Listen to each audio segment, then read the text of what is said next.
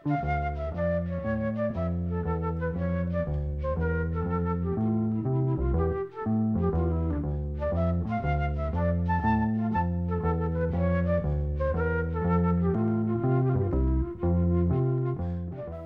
sæl.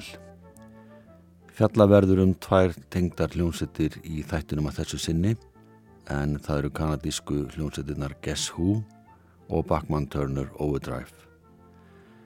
Og við byrjum að Guess Who.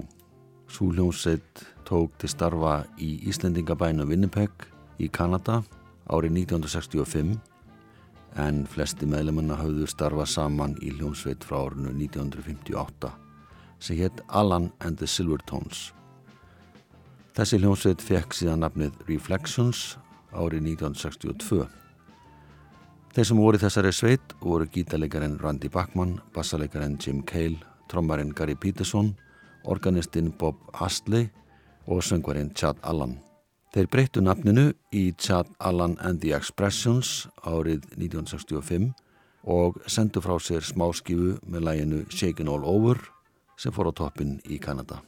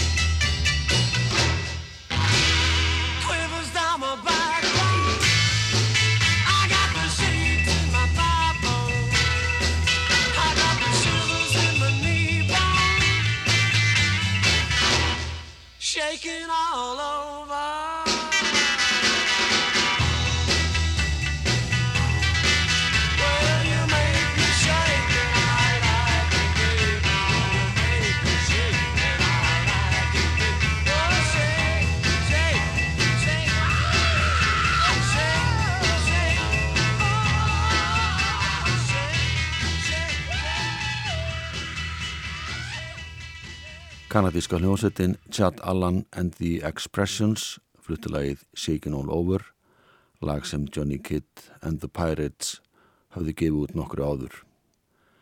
Þessi smáskiða var síðan gefin út í Bandaríkjunum og Ástralíu og plötuferðartekið Skepter ákvaða að skrifa ekki nafn hljómsveitarinnar á umslægið heldur slá upp með stóru letri orðunum Guess Who og spurningamerkju eftir sem sagt getiði hver þetta er. Þegar lægið fór að skrýða upp vinsandalista heldu útasmenn og bladamenn að hljómsettin héti einfalla Guess Who. Þannig festist nafnið á setina. Stöttu setna hætti orguleikarin og síðan söngvarinn og Bob Cummings var áðin hljómbósleikari og varði í raun og veru forsöngvari sveitarinnar.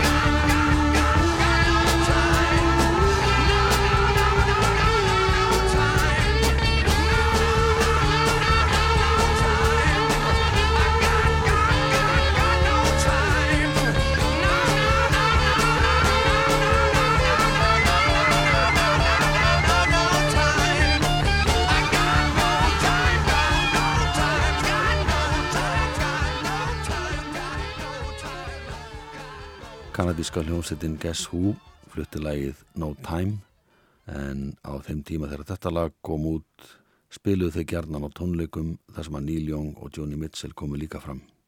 Þetta var áður en þau slói í gegn. Hljómsettinni gekk ekkert sérstaklega vel til að byrja með, spilaði samt sem áður mjög mikið og gáði nokkra smáskjúfur. Strákarnir fengu vinnu hjá kanadíska sjónvarpinu CBC og komu fram í þættinum Let's Go þar sem er spiluð og sungu vinsalstu lögin í hverju viku, allt saman lög eftir aðra en þá sjálfa. Þeir voru í fastri vinnu, fengu ágætis laun, spiluðu tónlist, en þetta var alls ekki það sem þeir stemdu að. Þegar Jack Richardson fekk á til að semja kynningalag fyrir Coca-Cola, tókst með þeim vinskapur sem leti til þess að Richardson stopnaði framlestu fyrirtæki og setti allt sitt tröst á hljómsýtina Guess Who. Þeir fengu samning hjá Plötu útgáfu sem fekk síðan dreifingasamning hjá RCA útgáfunni og lægið These Eyes slói gegn í bandaríkunum.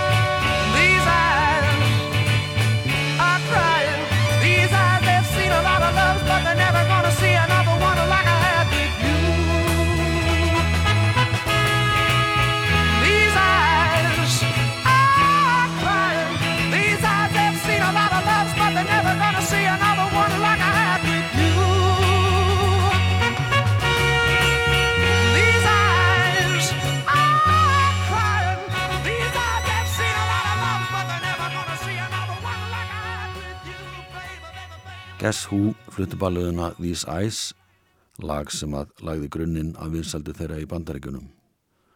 Lægið kom út á blötu sem fekk nafnið Wheatfield Soul og það var Nimbus útgáfa sem gaf þetta lag út á þessa blötu. Randy Bachman og Burton Cummings sömdi lagið saman en þeim gekk mjög vel að vinna saman á þessum tíma en það átti eftir að breytast.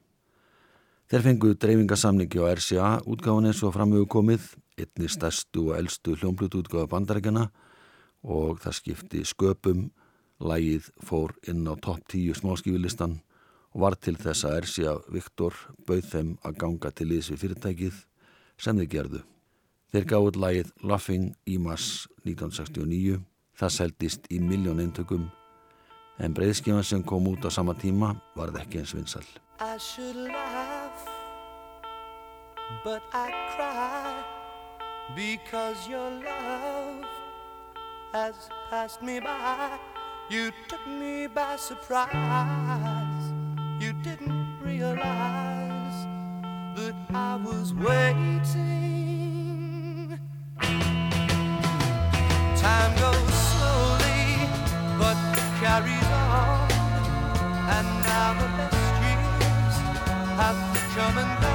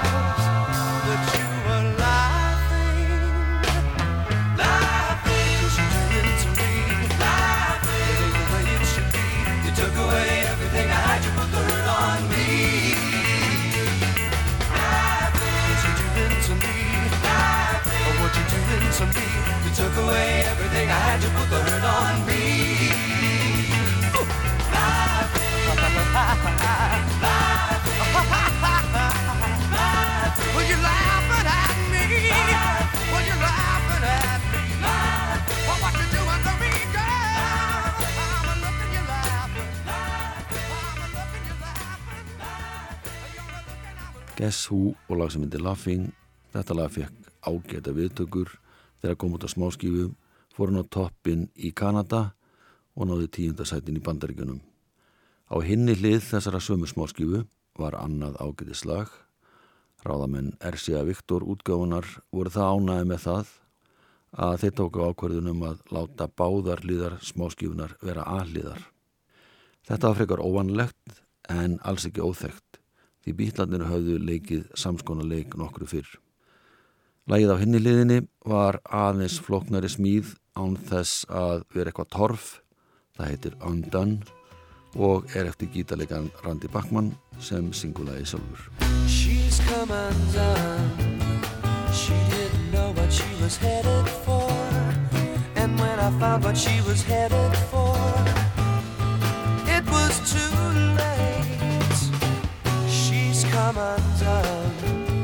She found a mountain that was far too high. And when she found out she couldn't fly, it was too late. It's too late. She's gone too far. She's lost the sun. She's come undone. She wanted truth, but all she got was lies. Came the time to realize.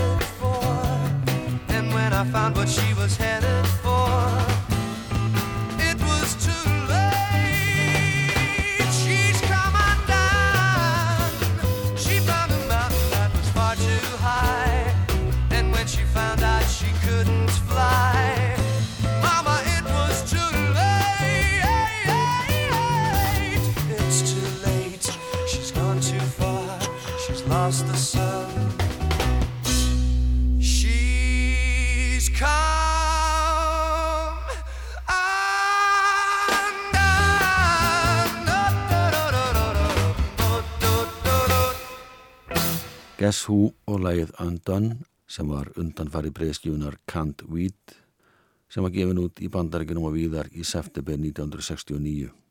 Tekstinn fellar um unga konu sem tekur inn ofskinnunar lif og hverfur inn í sjálfa sig í kjölfarið og á ekki afturkvæmt.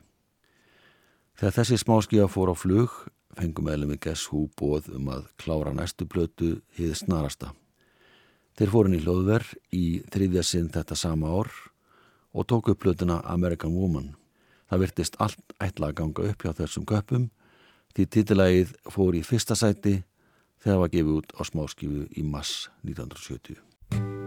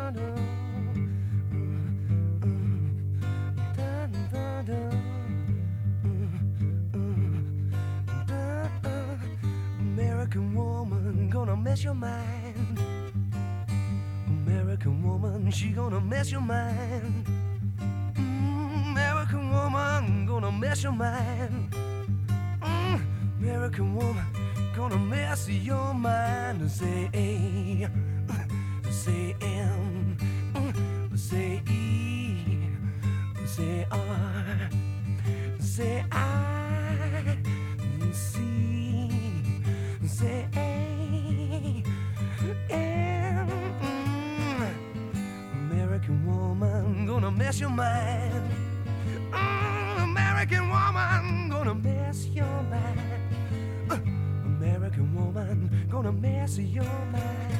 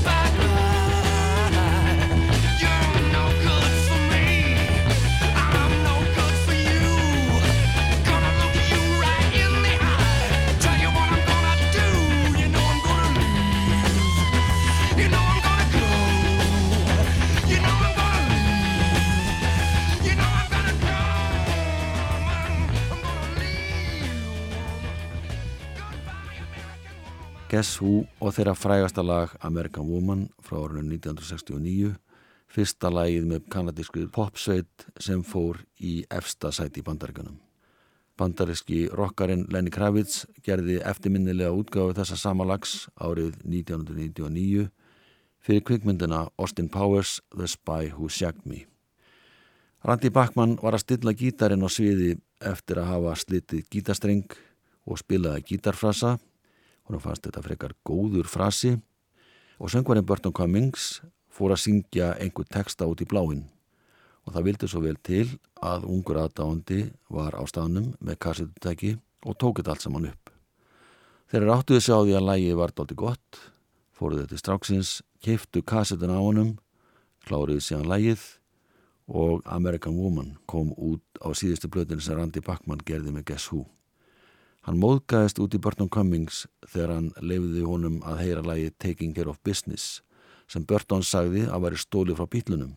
Þetta væri samalæð og Paperback Writer og það væri alveg á hreinu að Guess Who myndi aldrei taka þetta lag upp. Lægi kom setna út með hljómsettinni Bachmann Turner Overdrive og sló rækilega gegn og nú heyru við hvernig þessi tvö lög hljóma hvert og eftir öðru. Paperback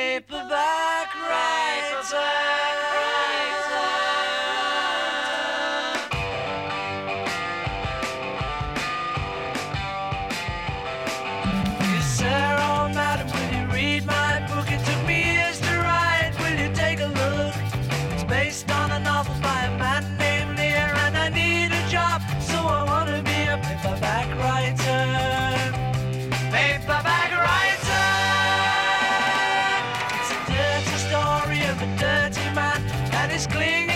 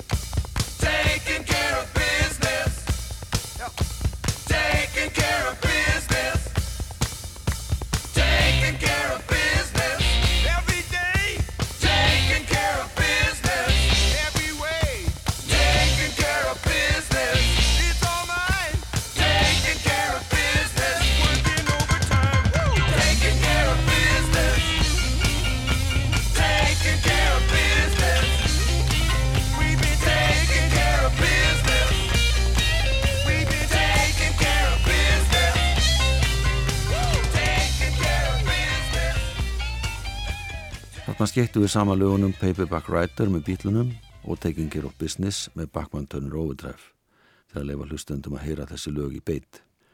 Burton Cummings taldi að Randy Bachman hefði stólið setnalæginu af bílunum sem var til þess að Randy hætti Guess Who eftir tónleika sem sveiti helt í Fillmore East tónleikahúsinni í New York 16. mæ 1970. Hann fór aftur heim til Winnipeg og stopnaði þar hljómsveitina Brave Belt með bræðunum sínum, trommarinu Robbie og gítalegarinu Tim Bachman. Gary bróði þeirra gerðist umbúsmaði seitarinnar. Neil Young bentiði síðan á bassalegarinn og söngvaran Fred Turner og stuttu setna breyttuði nafninu í Bachman Turner Overdrive. Önnu breyðskiman kom út í desember 1973 og fekk mjög góða viðtökur.